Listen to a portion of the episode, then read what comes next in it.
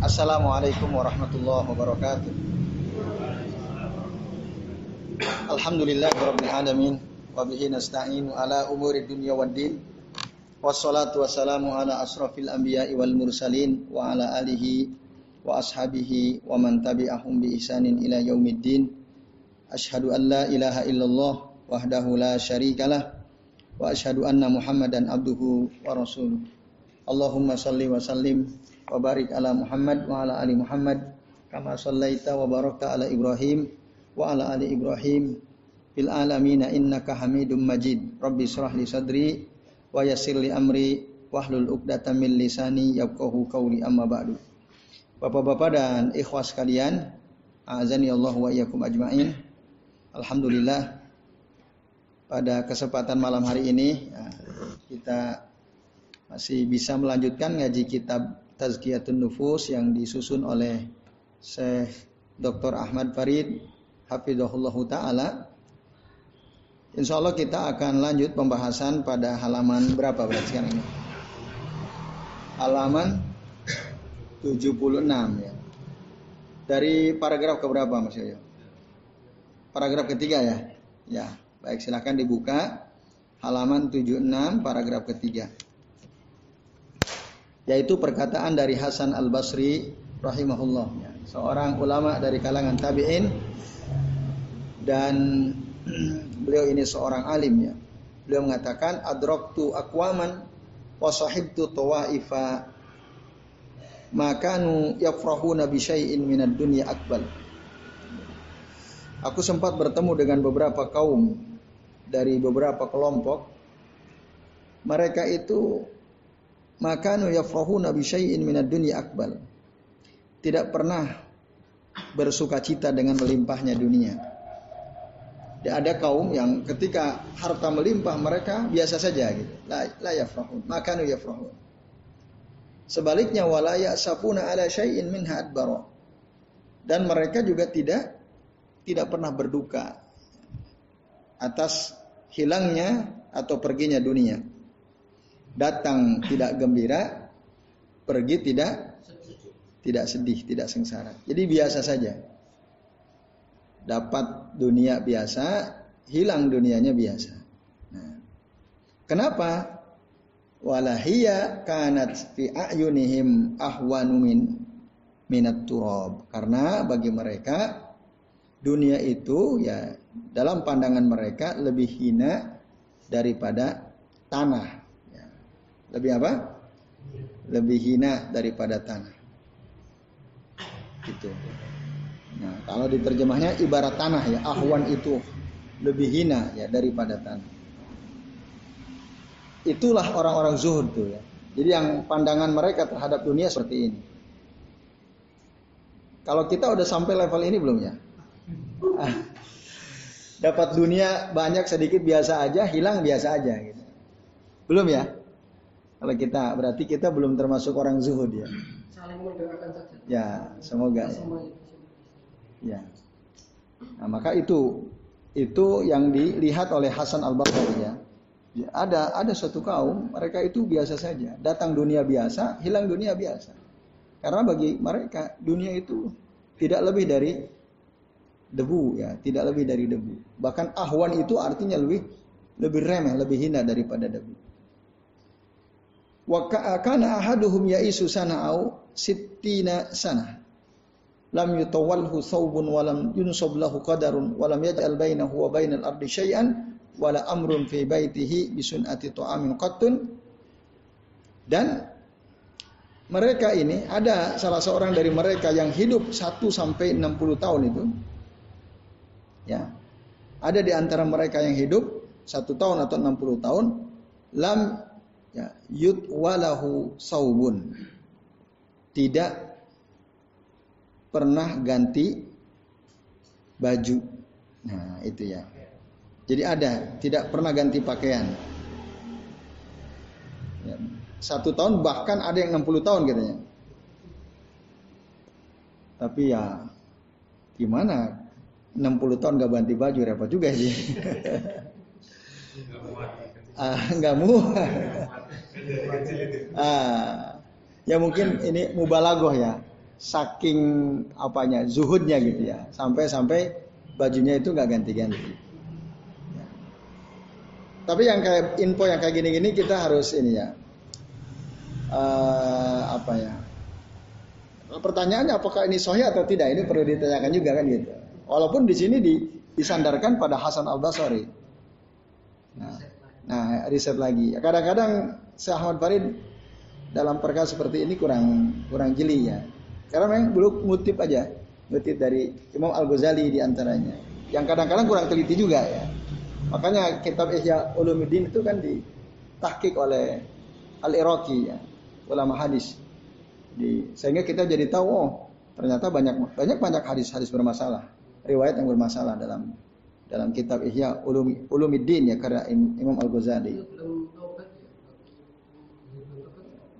Sudah, itu kitab Ihya Ulumiddin itu kan setelah bertaubat dari filsafat itu ya. Beliau fokus ke ilmu syariat. Tapi ya tadi ya, beliau uh, ada banyak riwayat, banyak hadis yang kurang hati-hati secara secara ini ya, derajat hadis.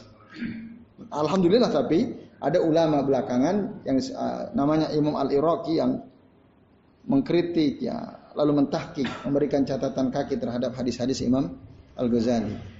Nah, kitab ini sendiri ditulis oleh Ahmad Farid di antara rujukan pokoknya adalah selain karya Imam Ibnu Qayyim, karya Ibnu Rajab juga karya Al-Ghazali.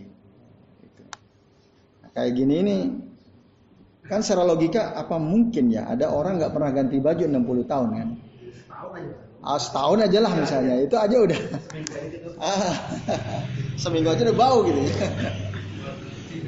ya, ah, ah, ya tapi akan bisa misalnya satu baju apa cuci kering pakai cuci kering pakai. Kayaknya kan nggak nggak. Satu tahun lah. Kuat nggak kira-kira? Ada satu baju satu tahun kotor cuci kering pakai. Kotor cuci kering pakai Ambrol pasti.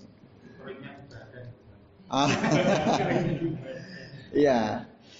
Nah, wallahu alam ini ya. Ini apakah sahih ya. Tapi yang jelas itu yang diceritakannya oleh Hasan Al Basri. Nah, kemudian walan walam yunsob lahu qadar. Nah, lam yunsob lahu qadar. Kalau di sini di uh, terjemahkan enggak diterjemahkan tuh ya kata walam yunsob lahu qadar. Maksudnya dia tidak pernah ya apa ya mendapatkan ya sesuatu yang yang apa di apa ya yunsob lahu qadar itu tidak pernah mendapatkan jabatan apa-apa ya. bahkan dia walam yaj'al bainahu wa bainal ardi syai'an dia tidak pernah menunggangi sesuatu ya naik kendaraan di atas muka bumi. Kalau dulu berarti unta, kuda, keledai itu ya. Dia tidak pernah. Wala amrun min baitihi bisunati ta'amin qattun. Bahkan tidak pernah dia dibuatkan makanan. Tidak pernah dibuatkan makanan. Selama berapa tahun? Satu tahun sampai 60 atau bahkan 60 tahun. Terus gimana itu? Puasa terus? Nah, masak sendiri barangkali ya sehingga tidak dibuatin makanannya. Pertanyaannya punya isi apa enggak ini? Masa isinya nggak mau nolong kan gitu ya? Nah itu. Nah, itu ini ada beberapa yang perlu diberi catatan tentu saja ya ini. Faidah kana al kalau kalau malam hari faqiyamun ala akdamihim. Kalau ini mungkin ya. Dia sholat lail berdiri di atas kaki mereka. Yabtarisuna wujuhahum, sujud di atas wajah mereka tajri dumu'uhum ala khududihim mengalir air matanya membasahi pipi mereka. Yunajuna rabbahum fi fukakiri qabihim. Mereka bermunajat kepada Tuhan mereka dengan sungguh-sungguh. Kanu ida amilu al hasanah da'abu fi syukriha. Mereka kalau beramal baik segera bersyukur kepada Allah. Wa sa'alullah an yakbalaha memohon kepada Allah. Semoga Allah menerima amal kebaikan mereka kalau ini gak ada masalah ya. Nah, kemudian Bapak-bapak dan ibu sekalian, wa idza amilu as-sayyi'ah ahzanathum. Apabila mereka berbuat jelek, berbuat buruk, itu membuat mereka bersedih hati. dan mereka memohon kepada Allah untuk mengampuni an yaghfiraha, mengampuni dosa-dosa mereka. Walam yazalu ala dzalik senantiasa mereka melakukan hal tersebut. Wallahi demi Allah. Kata Hasan Al-Basri, "Ma salimu minadz dzunub wala najau illa bil maghfirah." Mereka tidak akan selamat dari dosa, tidak akan selamat ya dari dosa kecuali dengan ampunan dari Allah Subhanahu wa taala. Rahmatullahi alaihim wa ridwanu. Semoga Allah senantiasa memberikan rahmat kepada mereka dan meridhai mereka. Amin ya. Ya ini kata Hasan Al Basri ya ada orang-orang seperti itu. Uh, tapi tadi ya ada beberapa catatan terkait dengan ibadah mereka itu sesuatu yang mungkin ya. Jadi mereka senantiasa sholat lail, tersujud ya, tersungkur sujud di hadapan Allah sambil menangis, berdoa dengan ikhlas sungguh-sungguh kepada Allah. Itu mungkin ya. Mungkin. Nah, ini yang barangkali bisa kita tiru ya. Kita senantiasa berusaha sholat lail, sujud sambil nangis ya. Air mata kita bercucuran, membasahi pipi kita, berdoa kepada Allah. Apabila beramal soleh kita bersyukur. Apabila ya kita berbuat baik kita memohon supaya Allah menerima amal baik kita dan sebaliknya apabila kita berbuat buruk kita segera memohon pertolongan Allah Taala. Ini yang mungkin bisa kita tiru. Bisa ya? Bisa. Tapi kalau pakai baju setahun gak ganti kayaknya susah kita tiru ya. Nggak naik apa-apa, ke mana-mana agak susah sekarang ya. Agak susah. Nah, kecuali barangkali ini siapa itu? Siapa yang sempat viral itu pakai caping itu? Joko Kendil. Katanya ada di Maroko sekarang. Kemarin saya baca di ada di Qatar. Ada di Qatar. Eh, Mam, di bukan di Qatar ya. Kabarnya ada di Qatar. Ah, ah. Ada fotonya juga. Ah.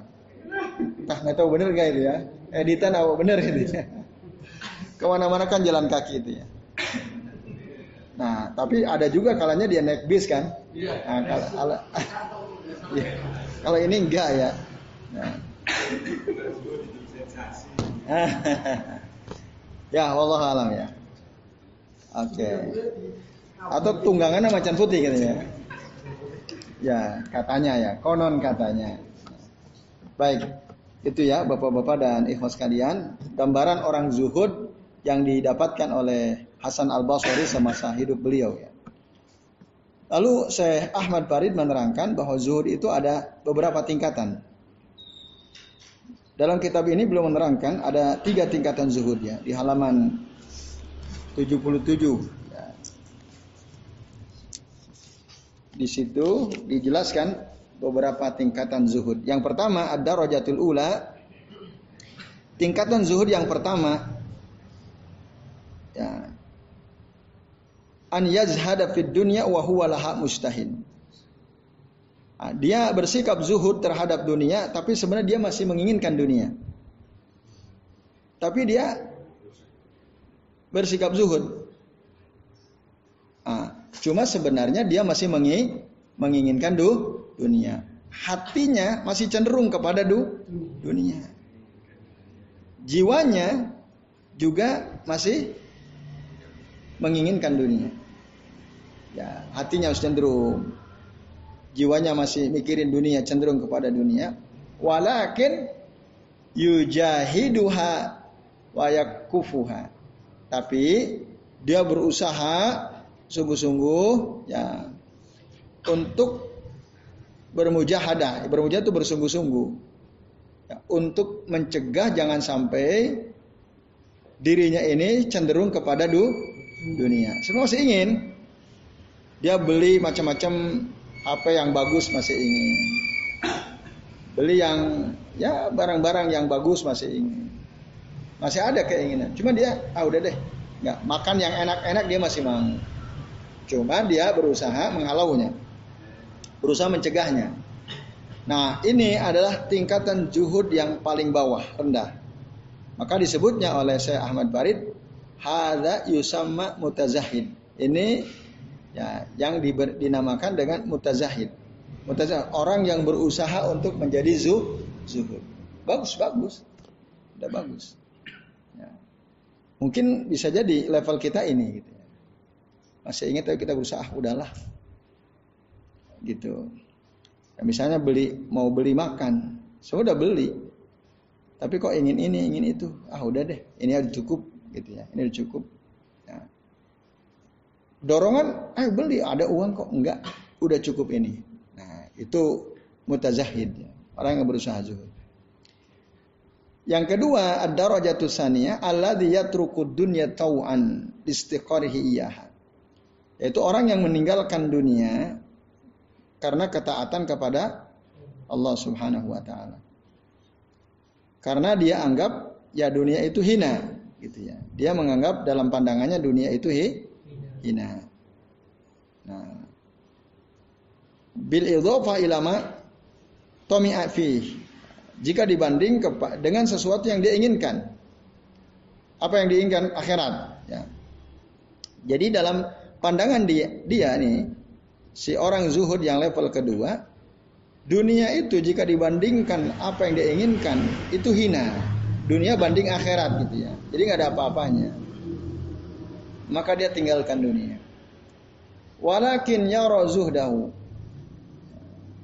Dan dia melihat ya kepada usaha dia untuk zuhud dia cenderung kepada zuhud kalladhi yatruku dirhaman li ajri dirhamain orang yang level kedua ini ibarat seseorang yang meninggalkan satu dirham untuk mendapatkan dua dirham atau seseorang yang mendapat uh, mengeluarkan seratus ribu untuk dapat dua ratus ribu kira-kira begitulah atau dia tinggalkan 100 ribu untuk dapat satu juta gitu ya. 100 ribu untuk dapat satu juta. Maksud tadi, dunia itu ibarat 100 ribu, akhirat sejuta. Walaupun tidak sebandingnya, jauh lebih dari itu. Karena dia melihat ada yang lebih berharga dari dunia. Nah, maka dia berusaha zuhud dari dunia. Tapi ya kalau kita kembali pada pembahasan awal, apakah orang zuhud meninggalkan dunia? Tidak juga sebenarnya. Ya, maka istilah yatruk dunia ini kurang pas juga ya. Meninggalkan dunia. Orang zuhud sebenarnya dia tidak meninggalkan dunia. Ah, nah kalau, kalau ya kalau kita ikuti istilah ini ya, Allah yatrukud dunia. Ini kan istihad ulama nih yang membagi zuhud pada tiga gitu, meninggalkan dunia. Nah, maksudnya ya truk dunia itu bukan kalau kita kembali ya pada pembahasan awal uh, dia tidak tergiur oleh dunia ya ah, tidak mementingkan dunia kira-kira gitu ya. Ya kalau meninggalkan dunia kan masalah ya ya kan dalam Al-Quran pun kan tidak boleh itu.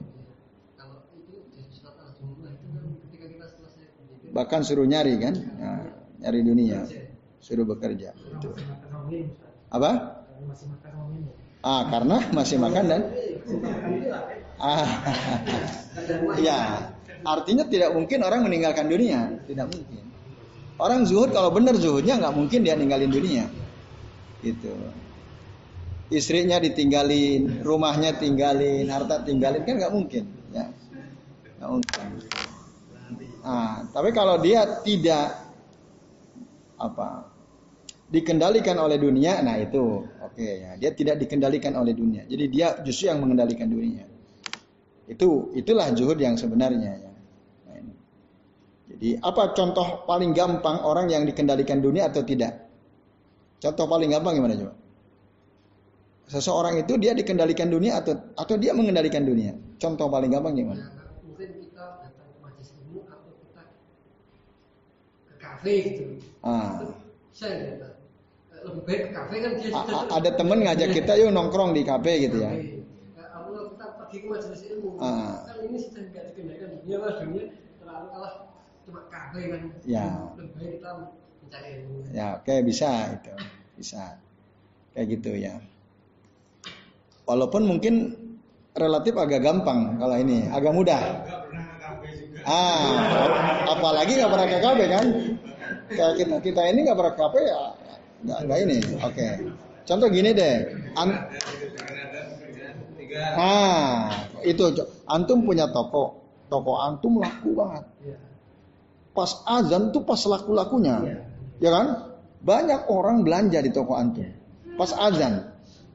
Nah, ini di sini ininya ukurannya.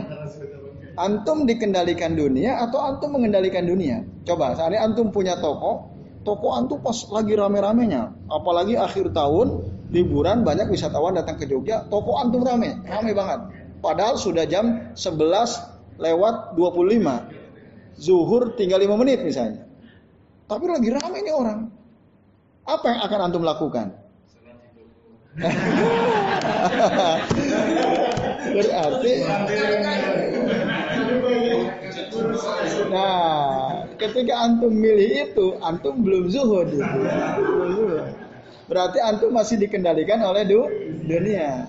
Tapi orang yang mengendalikan dunia, Bapak Ibu mohon maaf ini udah mau zuhur, toko mau kita tutup istirahat sementara. Kalau mau belanja nanti habis zuhur silahkan. Sekarang mohon keluar dulu. Nah, orang yang mampu seperti itu berarti dia kendalikan dunia kan?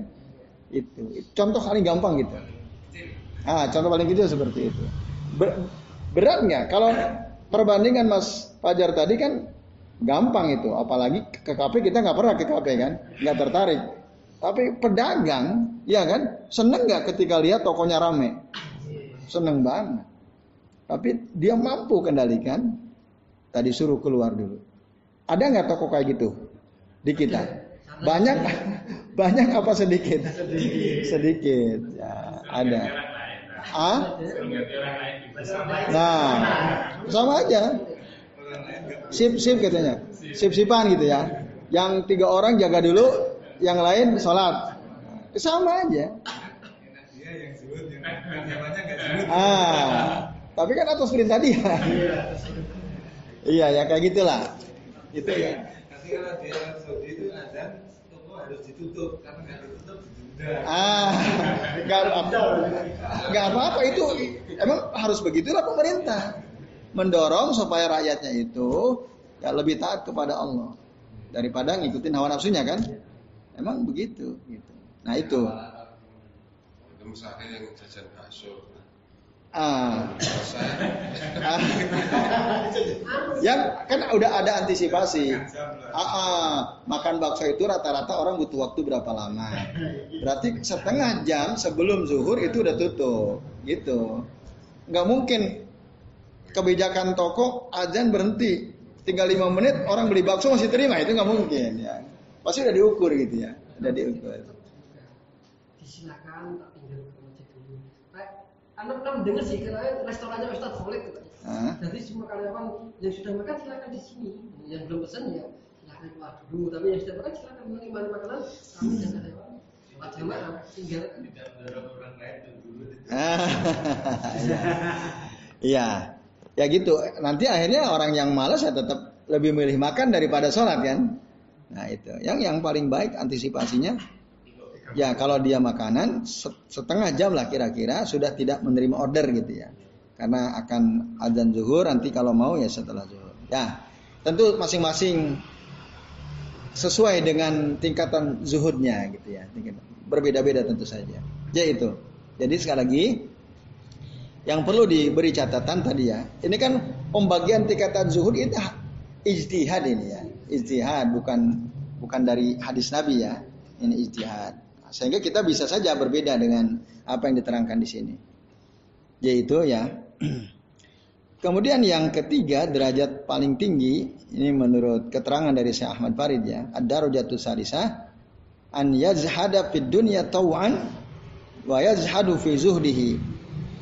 Dia berusaha zuhud di dunia ya karena ketaatan kepada Allah Ta'ala dan dia berusaha zuhud dalam kezuhudannya. Fala yaro annahu taraka syai'an. Dia sama sekali tidak meninggalkan sesuatu. Ya, dia tidak merasa meninggalkan sesuatu. Fayakunu kaman taraka khazafatan wa akhoda jauharatan. Maka orang yang tingkat level juhud yang ketiga ini dia ibarat orang yang meninggalkan tembikar. Khozafa itu tembikar, walaupun mungkin di kitab antum sampah di situ ya. Itu khozafa itu tembikar bukan sampah. seperti orang yang meninggalkan tembikar untuk mengambil permata. Tembikar itu kayak kendi. Kendi dan permata. Antum kira-kira pilih mana? Ya tentu saja permata ya. Orang normal dia akan milih permata kan gitu. Nah, jadi dunia itu ibarat tembikar, akhirat itu ibarat permata. Nah, jadi dia orang yang zuhud. Nah, di sini nggak ada kata taroka. Nah, berarti memang uh, apa yang kita bisa simpulkan dari pembagian zuhud ini, yang nomor satu dan dua itu masih masih apa? Levelnya masih belum betul-betul zuhud gitu ya. Nah, yang ketiga ini dia zuhud, maka nggak ada istilah taroka di situ ya. Nggak ada istilah meninggalkan ya. ya. Pokoknya dia bersikap zuhud karena ketaatan kepada Allah Taala. Zuhud dalam zuhudnya dia tidak. Ketika tadi misalnya dia punya toko rame, lalu dia tutup, dia tidak merasa meninggalkan apa-apa. Dia tidak merasa kehilangan apa-apa gitu, biasa saja. Nah, karena apa? Ya karena dunia itu ibarat tembikar gitu, dibandingkan permata, nggak ada masalah, nggak ada apa-apanya gitu. Dia bisa sholat jamaah di masjid itu jauh lebih berharga daripada dia dapat untung mungkin bisa 10 juta, 20 juta. Ya kan?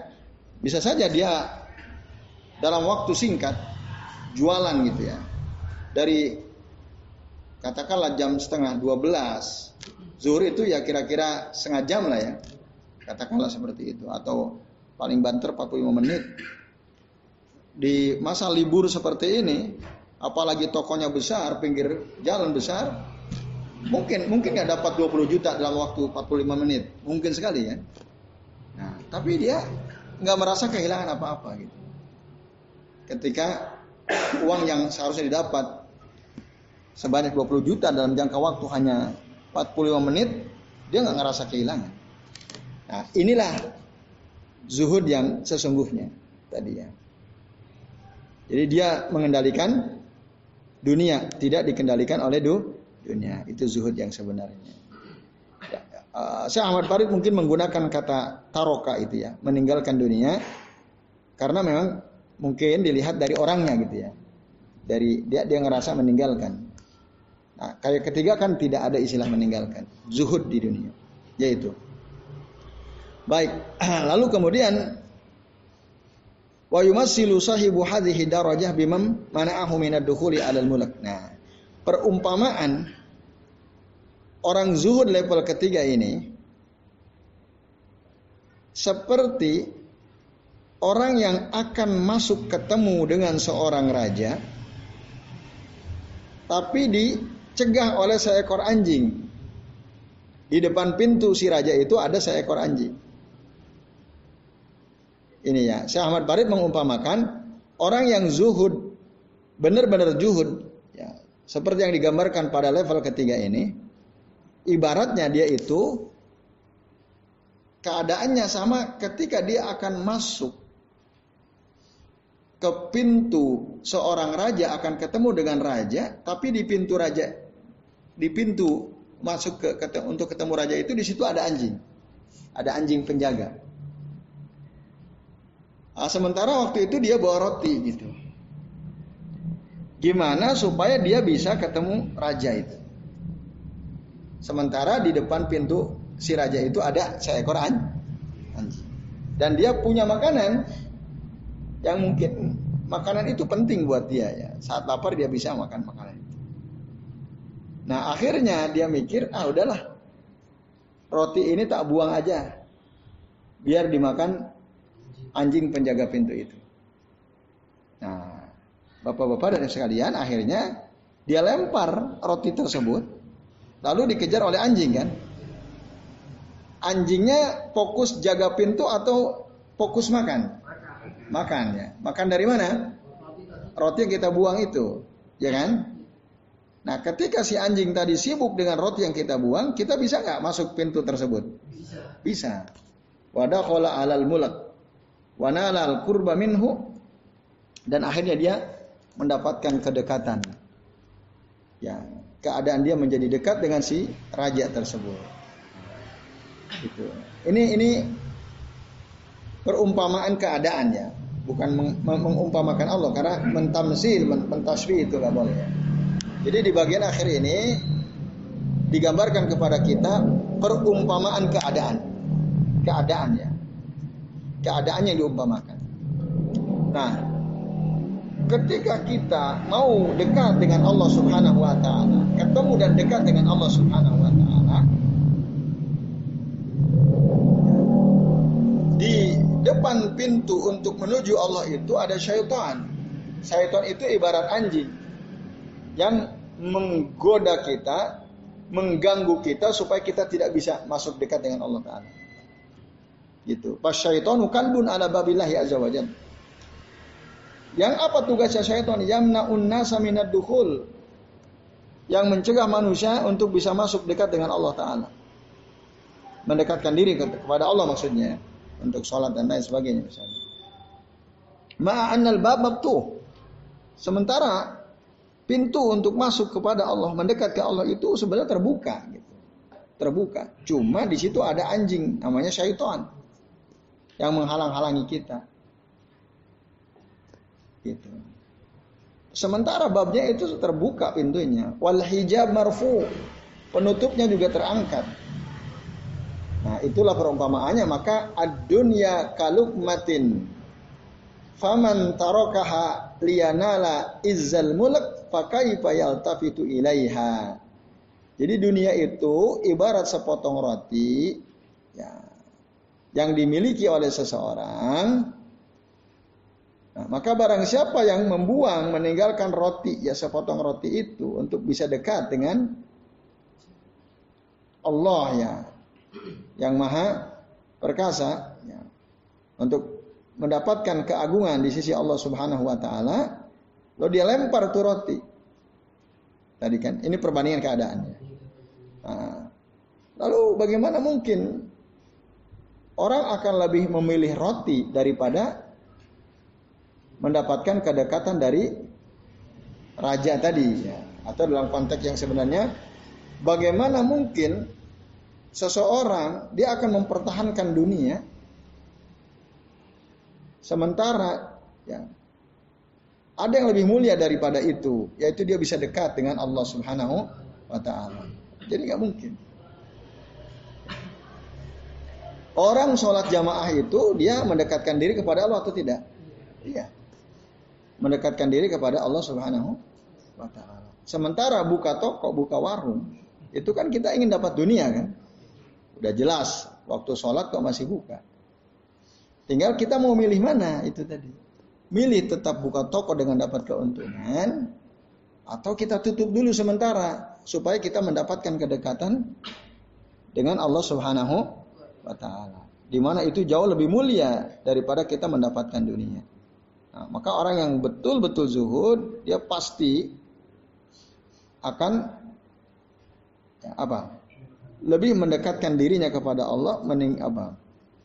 Lalu di dunia uh, sementara di dilepas dulu gitu ya itu. Nah itu bapak-bapak dan ikhwas sekalian, azan ya Allah wa ajmain. Ya, itu ibarat itu. Maka tadi kalau kita tarik ke dunia kita sekarang ya, kita kerja, gitu. Udah waktunya sholat, udah azan gitu.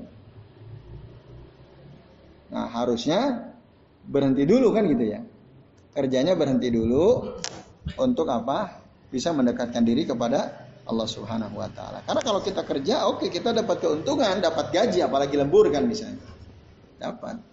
Apalagi bosnya bilang pokoknya harus selesai jam sekian gitu.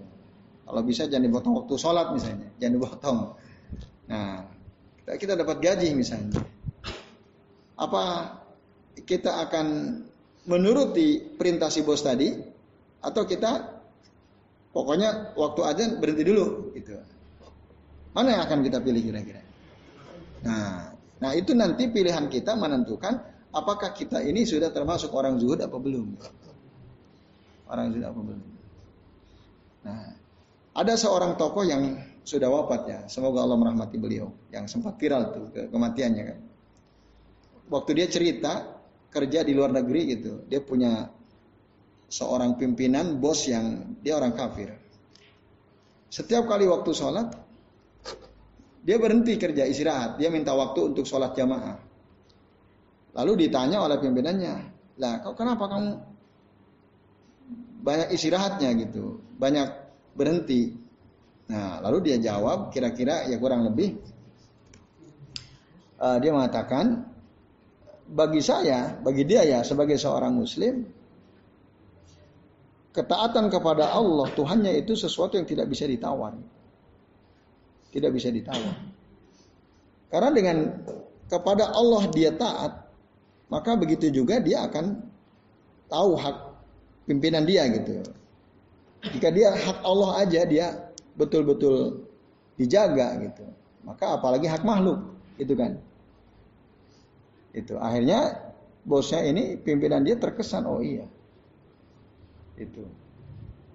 Nah, tapi orang yang hak Allah saja nggak dijaga, kira-kira hak manusia bagaimana? Hak Allah saja nggak dijaga hak Allah. Itu kan hak Allah kan untuk kita taati. Waktunya sholat kita diseru, datang kita sholat. Itu menjaga haknya Allah.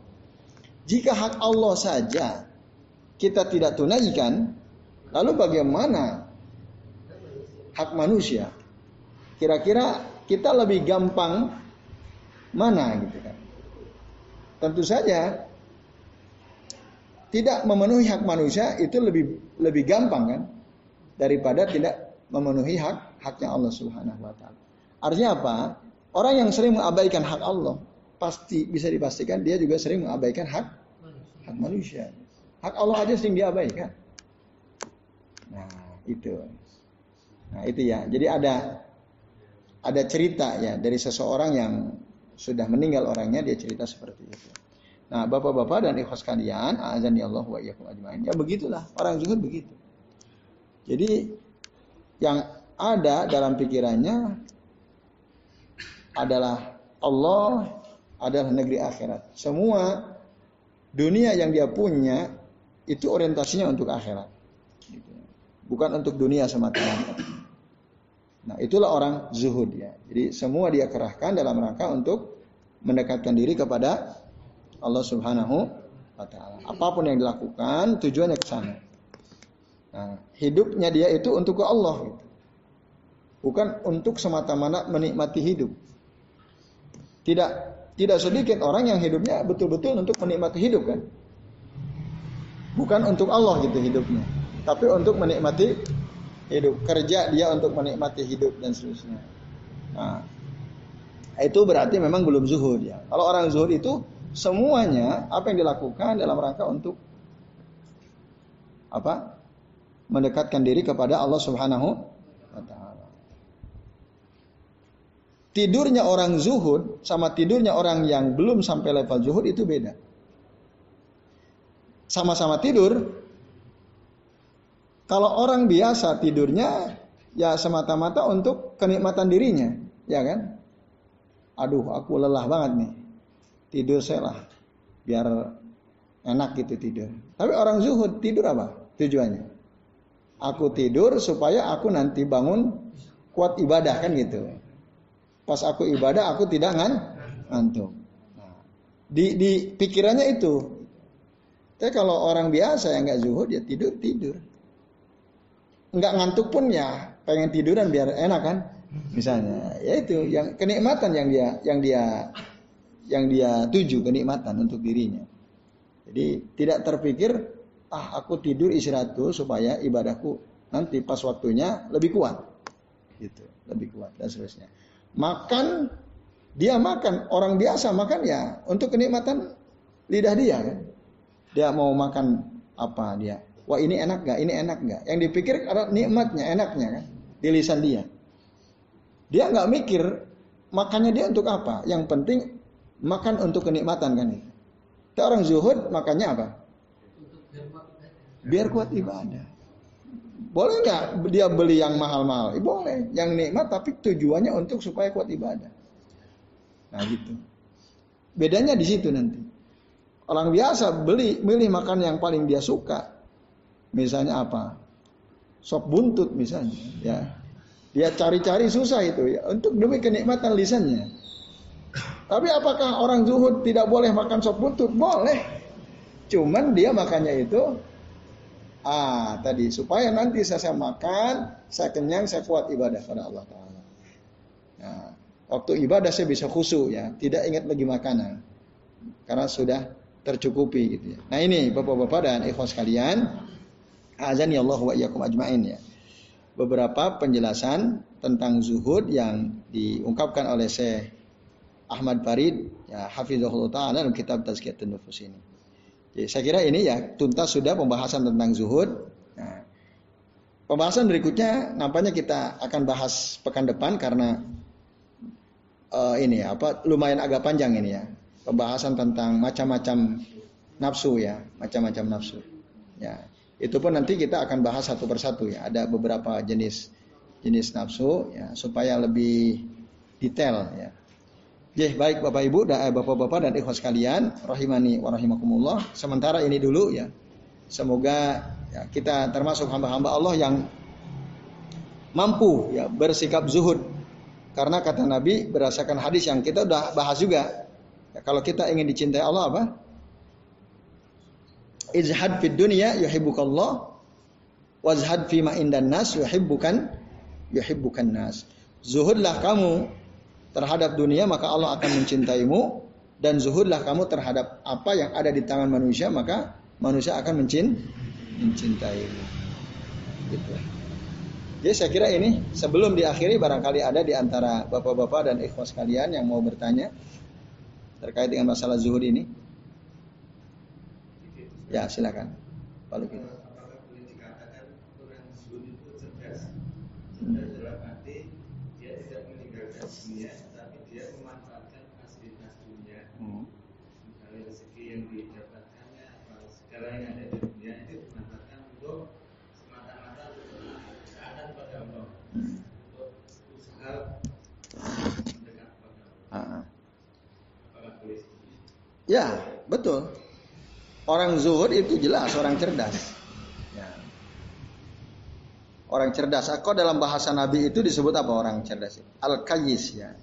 Kan ada al kayis, ada al ajiz itu ya.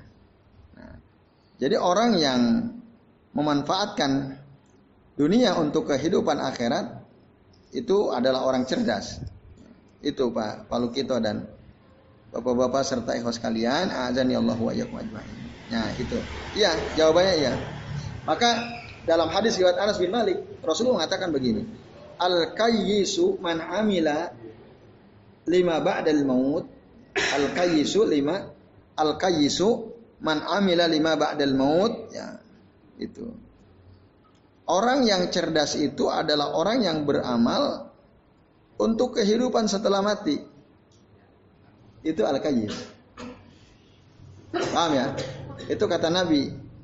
Al-kayyisu man amila lima ba'dal lima ba'dal maut.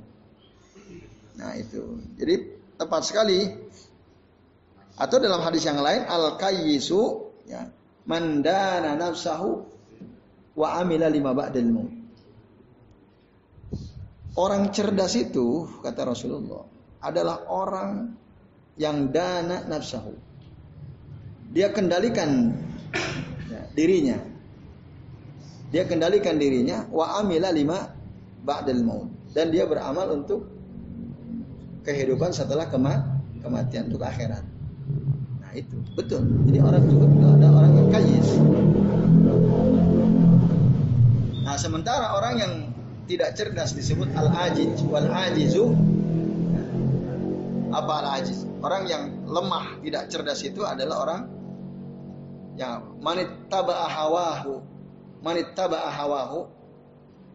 Orang yang mengikuti hawa nafsunya. Wa tamanna 'ala Allahil amaniya.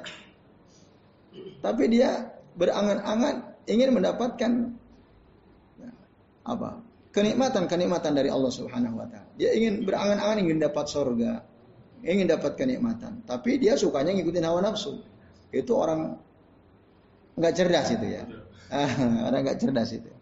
Itu al-aziz. Kalau kata Nabi istilah al-aziz. Ada nggak orang kayak gitu? Ada. yang yang dia ikuti dorongan hawa nafsu gitu, dorongan hawa nafsu. Nah, Tapi dia ingin hidup bahagia di akhirat ingin. Cuma selama hidup awan nafsu terus dia ikutin. Itu al ajiz namanya. Ah. ah mimpi, berangan-angan terus, mimpi terus. Ingin ini, ingin itu. Di surga nikmat terusnya. Tapi waktu hidup hawa nafsu terus dia ikutin. Gitu. Nah, beda sekali sama al al kayis tadi. Al kayis itu mandana nafsahu wa amila lima ba'dal maut. Orang yang kendalikan dirinya dan dia beramal untuk kehidupan setelah kematian. Jadi mikirnya so ke sana. Dia kerja untuk akhirat. Dia makan untuk akhirat. Dia minum enak untuk akhirat. Itu semua untuk akhirat. Lima ba'dal lima ba'dal maut. Yaitu Allah taala alam. Itu disebutkan dalam beberapa riwayat ya. Di antaranya dari uh, tadi dari sahabat siapa tadi? Abdullah ya bin Umar ya di antaranya yaitu Bapak-bapak dan ikhwas sekalian, azan ya Allah wa. Juga dari hadis Saddad bin Aus ya, riwayat Imam At-Tirmidzi. Dan banyak ya yang meriwayatkan hadis ini. Nah, Allah taala alam bisawab. Masih ada? Ya, silakan Pak. Kalau kalau disebut yang ketiga ini hmm. apakah itu dia juga menafikan mudaratnya? Hmm. Jadi misalnya ada orang kerja itu kamu potong jenggotmu hmm. kamu masih terus kerja di sini kalau kamu yang kerja di sini jangan potong nah. Ya, ya memang kalau orang yang keluar ya ah. dalam nanti keluarnya nanti terus banyak mudarat yang terjadi ah. dan bisa mungkin dia dua tahun bisa ah. anak istri sudah masih suka akhirnya terus akhirnya banyak penderitaan yang akan dicerita ah. kalau dia nggak mau cukur jenggot maksudnya kalau dia akhirnya keluar gitu. Ah, ah iya iya kan? Iya.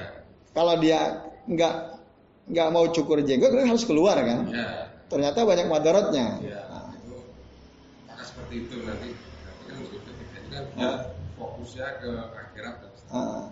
Dia tidak akan memikirkan penderitaan nanti di dunia itu bagaimana itu hmm. seperti itu. Hmm. Baik. nah, Pertanyaannya, apakah orang yang taat kepada Allah lalu akan dibuat menderita oleh Allah Taala? Kan gitu pertanyaannya. Yang membuat kita menderita itu Allah apa makhluk? Yang yang yang mengizinkan kita apakah makhluk bisa membuat kita menderita? Gak bisa, gak bisa. Makhluk gak bisa. Itu ya. Yang jelas Allah itu tidak mungkin akan menyengsarakan hambanya yang taat kepadanya. Ya kan? man amila ya amalan salihan min zakarin aw unsa wa huwa mu'minun wala nuhyiyannahu hayatan thayyibah. Itu coba antum buka dalam Al-Qur'an ya. Dalam Al-Qur'an kita buka bareng-bareng tuh. Ini janji Allah Subhanahu wa taala.